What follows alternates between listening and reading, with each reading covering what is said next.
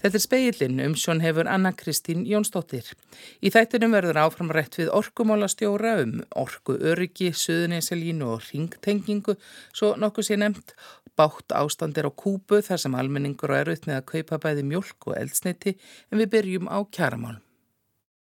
Í upphafi vikunar var útlýtt fyrir að kjara samningar næðust fljótlega millir breyðfylkingar alþjóðsambandsfélaga og samtaka atunlífsins.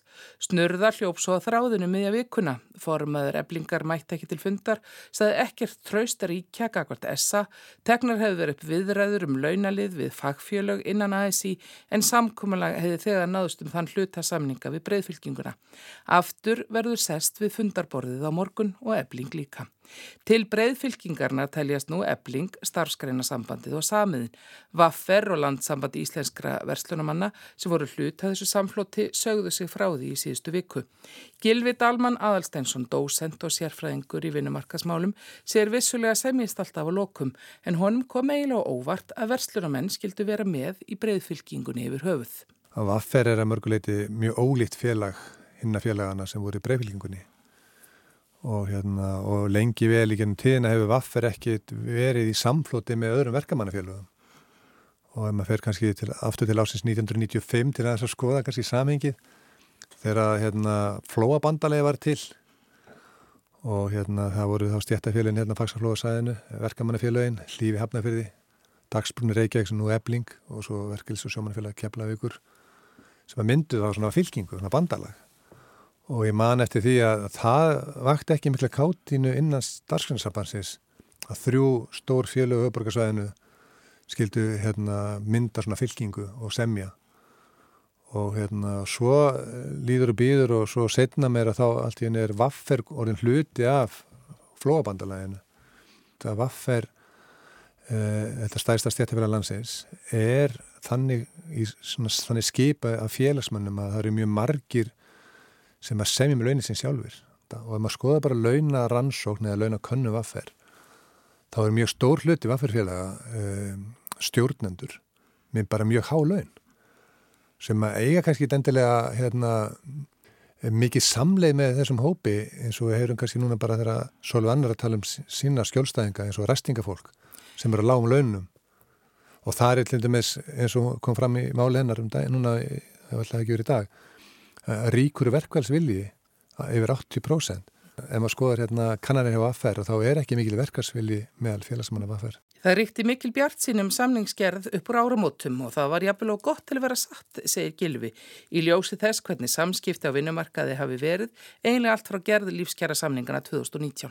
Sko þetta er svolítið endurspegla líka flóki skipula vinnumarkaðarins sem maður heldur ekki glemja því að sko við erum með eitthvað 100, rúmlega 150 stjættafélag sem við gerum við 300 kjara samninga við erum með tvískiptan vinnumarkað, almenna vinnumarkað og óbyrjunmarkað og kannski þrískiptan, það er að segja ríkisvaldið og svo sveitafélagin og, hérna, og auðvita á þetta fræga höfrungarlaup, þannig að það er verið svona, það sem breyfylkingin var að gera, hefði verið að gera, svip og flóabandalega að gera síndima, það er að draga ákveðna línu í sandin og segja þetta eru samningarnir sem við munum byggja á og þetta verið kaupakkarnir sem verið bóði og eftir sem ég skilir þetta rétt að þá hérna, voru að vera að semja þá við aðra hópa kannski um annað merki og síðan svein eigum bara að því við erum með, sko, við erum með 150 okkar stjættafélög og hérna og þó þá eftir að gera kjærasamningu svo marga þó þetta sé þó breyfylkingin hafi samanstaða mjög stórum hópi um, félagsmanninn að næða sí.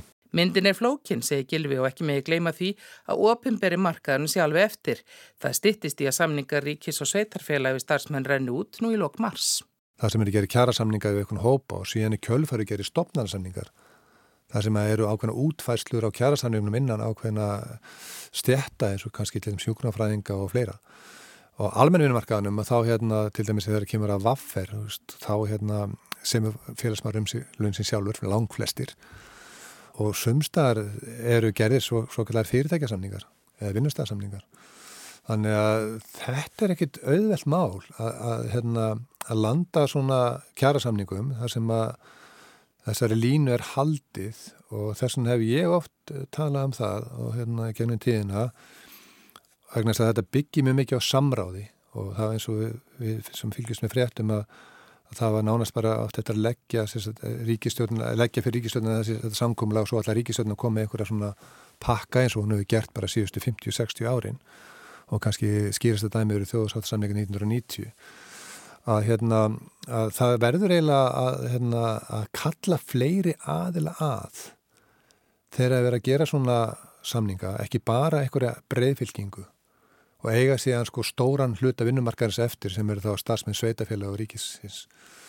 Og hérna það hefur verið svona uh, kannski rökin fyrir því hérna, að en almenn vinnumarkaður hefur verið svona leiðandi í að draga þessa línu eða finna merkið varandi kaupakkanir fyrir aðra er jú að sko það er náttúrulega að tala um það að henn almenni vinnumarkað það er þar verða verðmættin til það er það, er það sem að er unni býr, það er svona uppskriftin af þjóðakökunni og hérna það er sérst á að draga línunar, það eiga að vera fordaminn.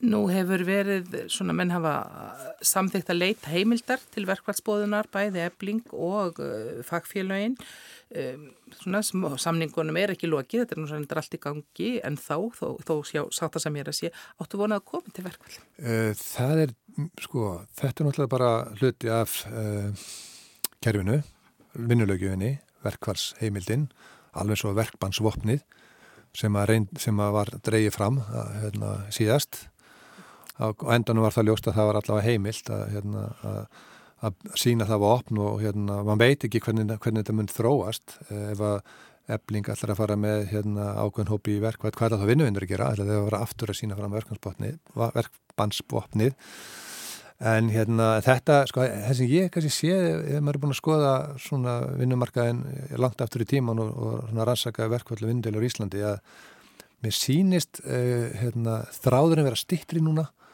Um, það hérna, þó að menn segir, sko, það er búið að vera samningar lausir í ákveðin tíma margir samningarnemnda fundir farið fram á árangurslaust og menn lýsa bara samningar vera árangurslausar og efna, fara fram á hérna, beita verkvallsvopninu að hérna, þá finnst mér, sko, þá veit ég það ef ég er búin að skoða þetta að, hérna, að það var meiri þólimæði hér áður fyrr og það er svona stittri þráður í núna og mér grýpa fyrr til verkvælsopni núna heldur en áður. En að endanum semst? Það semst alltaf endanum. Saði Gilvi Dalman, aðalstensson, dósent við Háskóli Íslands.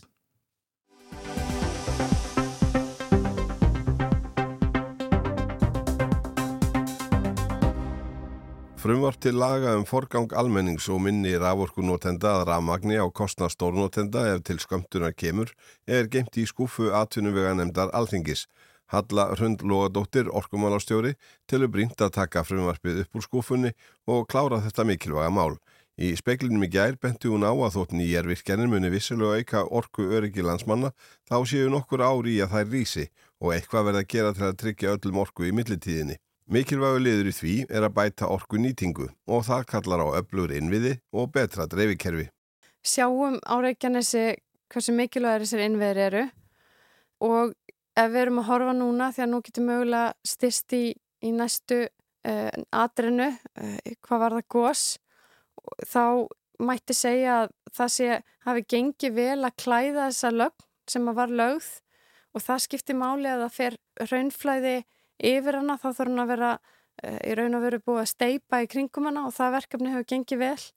Áhættan á Reykjanesi kannski mest ef að uh, fyrir utan sambarleg aðtök og gerðust síðast er mest ef að uh, svartsengi er þið fyrir áhrifum og þá komum við að þáttum eins og viðbröðum við slíku. Nú er búið að kaupa heim ákveðna rafheitara. Það er í hönnun þessar varmaskiptar fyrir neyðarkyndi stöðvar. Og það, við erum búin að íta því áfram að það er verið að leita að, að láhita á fleiri stöðum. En þetta sýnir okkur kannski það að það er ekki hægt að vera með öll ekkin í sömu körfunni. Uh, og eins held ég að, að þetta sýnir okkur líka það að uppfæra uh, kerfi í gömlum hverfum, dreifiveitur þar sem að æðarnar eru ofþrengar uh, er hluti af því að færa okkur áfram inn í nútíman og auka uh, orku öryggi íbúa um leið. Þetta á við um hittaveitun að suðu með sjó en svo er það rámagnið. Eins og glögglega komin ljós þegar hitti fór af allri byggð á suðunisum á dögunum þá reyndist dreifikerfi ramags þar ekki burðura en svo að það þóldi illa eða ekki að fólk kerði meira en einn ramagsopn á heiminu sínum í einu til að halda á sér hitta og var fólk að ekki beðið að kippa þessum eina hittagefa úr sambandi á meðan það notaði eldavélina eða önnur orkufregt tæki. Síðastliði sumar fegst samþykki fyrir byggingu Suðunesja línu 2, háspennu línu millir Suðunesja og höfuborgarsvæðisins eftir langt þref. Öll framkvæmdalegi er í höfn og vonast til að framkvæmdir geti hafist sent í sumar. Væri ekki hægt að flýta þeim og tengja línuna eins fljótt og kostur er, svona í ljósi þess sem á undan er gengið og búast má við í nánustu framtíð, eða verður Suðunesja lína 1 að döga eitthvað áfram. Raun og verum að segja að hún hafi verið líkil innviður núna þegar áhættan hefur verið fyrir e, svartsengi. E, við höfum hins vegar séð líka dreifikerfið er ofveikt, þar að segja æðarnar í dreifikerfinu er ofveikar til að, að það sé hægt að rafhita húsa fullu, einfallega því að það var hannað með hitaveituna í huga. E, þannig að það þarf að stækka æðar á mörgum stöðum e, í ólíkum hverfum á Reykjanesi til þess að Eh, styrkja möguleika inn í hverfunum sjálfum en síðan er líka þörfa því að, að horfa á framkvæmtir, það er ekki bara suðunessilína, það eru ýmsar aðra framkvæmtir sem að skipta máli ekki bara upp á orkur, geldur líka að það setja eh, flytja orkuna betur á milli landsluta. Þannig að, að þú getur nýtt orkuna óhá því hvar þú í raun og veru hvar virkjanir eru staðsettar. Þannig að það eru mörg mál sem að koma upp í hugan og, og ég vona sérstaklega þegar kemur að heita vitunni að þetta verði okkur öllum augnablik til að hugsa um þessi verðmæti og þetta verði okkur, hvað ég segja, kennslustundi því að þessi auðlind, hún er ekki eitthvað sem við getum tekið uh, af, með sjálfsögum hlut, hún er afrakstur hugvits, dugnaðar og þreks fyrir kynsluða og við þurfum að, að halda áfram að byggja upp það hugvit og hafa sama þrek eh, fyrir hitaveitunar til að passa upp á lífskeiði ekki bara hérna vesturhóttinu heldur viða um land. Svo ég tala nú ekki um köldusvæðin sem að þarf heldur betur að, að sinna að, eh, með meira jafnrétti í huga. Talað hefur verið árum saman um mikilvægi þess að bæta og styrkja dreifikerfi Ramax, koma á ringtengingu og tengingu við vestfyrði og svo framvegis til að auka raforku öryggi á landinu og betri nýtingu Ramax, en það gengur fremur hægt. Ég get sagt þér að hann íbúið samþykja kerfisállin landsnets og það eru gríðarlega miklar fjárfestingar framundan eh, hjá landsneti en auðvitað er það eitt að, að það séu eh, eh, fjárfestingar framundan og, og búið að samþykja eh, fjárfestingar af aðlum eins og orkustofnun. Svo kemur að málum eins og skipala í sveitafélaga og kemur að flóknum málum eins og eignarétti og öðru þegar áfara í línulagnir og annað. Þannig að það er á, á borðum ólíkra aðla víða um land en eitthvað sem skiptir máli að, að horfa á og skoða og skipti máli að reyna að finna alltaf bestu laustinnar og þær eru stundum aðeins dýrari ef að e, það er verið að taka tillit til ólíkar sjóna með á annað. En við erum alltaf að reyna að byggja upp innviði sem að lifa með þjóðinni og, og við hljótum að sjá mikið e, virði í því að byggja upp innviði sem að e, e ánægjar með og sem við getum e, hort tilbaka mörg marga áratögi aftur í tíman og sagt, herru þetta var vel gert, hér var hugsað til langstíma. Aðspurð hvort hún sjáu það fyrir sér hvena búast með við því að tröst og góð ringtenging verði komin á sem tryggir betri orkunýtingu og örugt ramagnum landalt, segir Halla Blöndulínu þrjú og Holtaförðu heiðarlínu þegar komnar á dagskrá. Það er þá bara sveitarfélag og annar að, að horfa á það í samvinni við landsnett. Það er sjálfur sér ekki að borði orkustofnunar en að sjálfsögðu vonum við að sérstaklega verkefni sem að stöðla því að við séum að nýta auðlendinar okkar betur, að þau skilir sér hrætt og vel.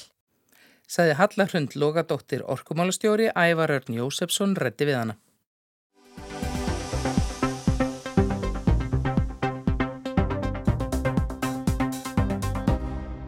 Það þykir til marksums í versnandi efnahaga á kúpu að stjórnvöld hafa í fyrsta sinn í sögunni beðið matfæla áætlun saminuðu þjóðana um aðstóð. Spænska frettaveitan EFE greinir frá því að mjölkurskortur valdið því að ríkið geti ekki lengur séð börnum undir 7 ára aldri fyrir niðurgreitu mjölkurdufti eins og gert er ráð fyrir í skamtunarbók heimilana.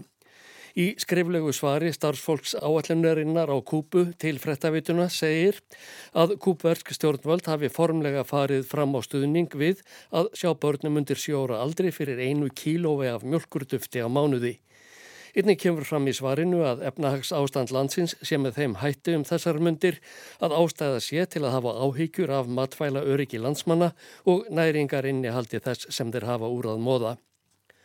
Fyrir þessum mánuði var mjölkur skorturinn orðins líkur að fresta varð mjölkur afhendingu til foreldra barna á aldrinum 6 mánada til 2 ára. Fjölmiðlar hafðu eftir Betty Díaz ráð þeirra innanríkis eh, viðskipta að hún vonaðist til þess að ástandið lagaðist á næstu dögum þótt líklega því skamturinn minni en alla jafna. Börn með langvinna sjúkdóma erðu láttinn ganga fyrir. Að sögn EFE e hafa saminuðu þjóðurnar haft samband við tvö ríki í Evrópu og Ameríku og falast eftir að útvega kúpverjum mjölkurduft. Fyrirnefndri skömmtunarbók var komið á lakirnar eftir byltingu Fidels Castro og hans manna árið 1959. Í hana er skráður á skamtur af matfælum og öðrum nöðsínum sem fjölskyldurnar fá nýður greitar í hverjum mánuði, svo sem hrísgrjón, kaffi, salt, ólíja, eldspítur, egg og stundum svínakjöt og kjúklingar. Börn fáð þurrmjölk og jógurt. Nýður greitt kostar kílóið af mjölkurdufti tæplega 30 krónur. Frá því að Sovjetrikinn liðu undir loki upphafi tíunda áratugar síðustu aldar hefur stöðugt hallað efnahagslega undan fæti á kúpu. Ástandið hefur hríðversnað síðustu ár eftir COVID-19 farsóttina, hertar refsi aðgerðir bandaríkjastjórnar og vegna alvarlegra galla á efnahagskerfi landsins. Samkvæmt opimberum tölum var efnahagssamdrátturinn í fyrra 2% og verðbólgan var 30%. Óháðir hagfræðingar telja að ástandið hafi í reynd verið enn verra. Skortur er á ymsum lífsnöðsínum svo sem brauði þar sem ekki er til nóg af kveiti í landinu. Þá hefur eldsneiti skortur gert kúparjum lífið leitt um langt skeið. Granma, málgagni kúberska kommunistaflokksins greinir frá því í dag að frá og með morgundeginum 1. mars hækki verð á eldsneiti og rafmagni til stórnótenda. Vittnaður í Latimir Herregueru Ale, fjármála og verðlagsmálar á þeirra sem segir að verðbreytingin sé nöðsynleg þar sem núverandi verðlag endur spekli ekki raun virði orkunar. Gengi hafi breyst og því sé nöðsynlegt að grípa til verðlagsbreytinga. Tilstóða að hækka verðið fyrir, fyrir mánuði en því var frestað vegna netta árása að sögn.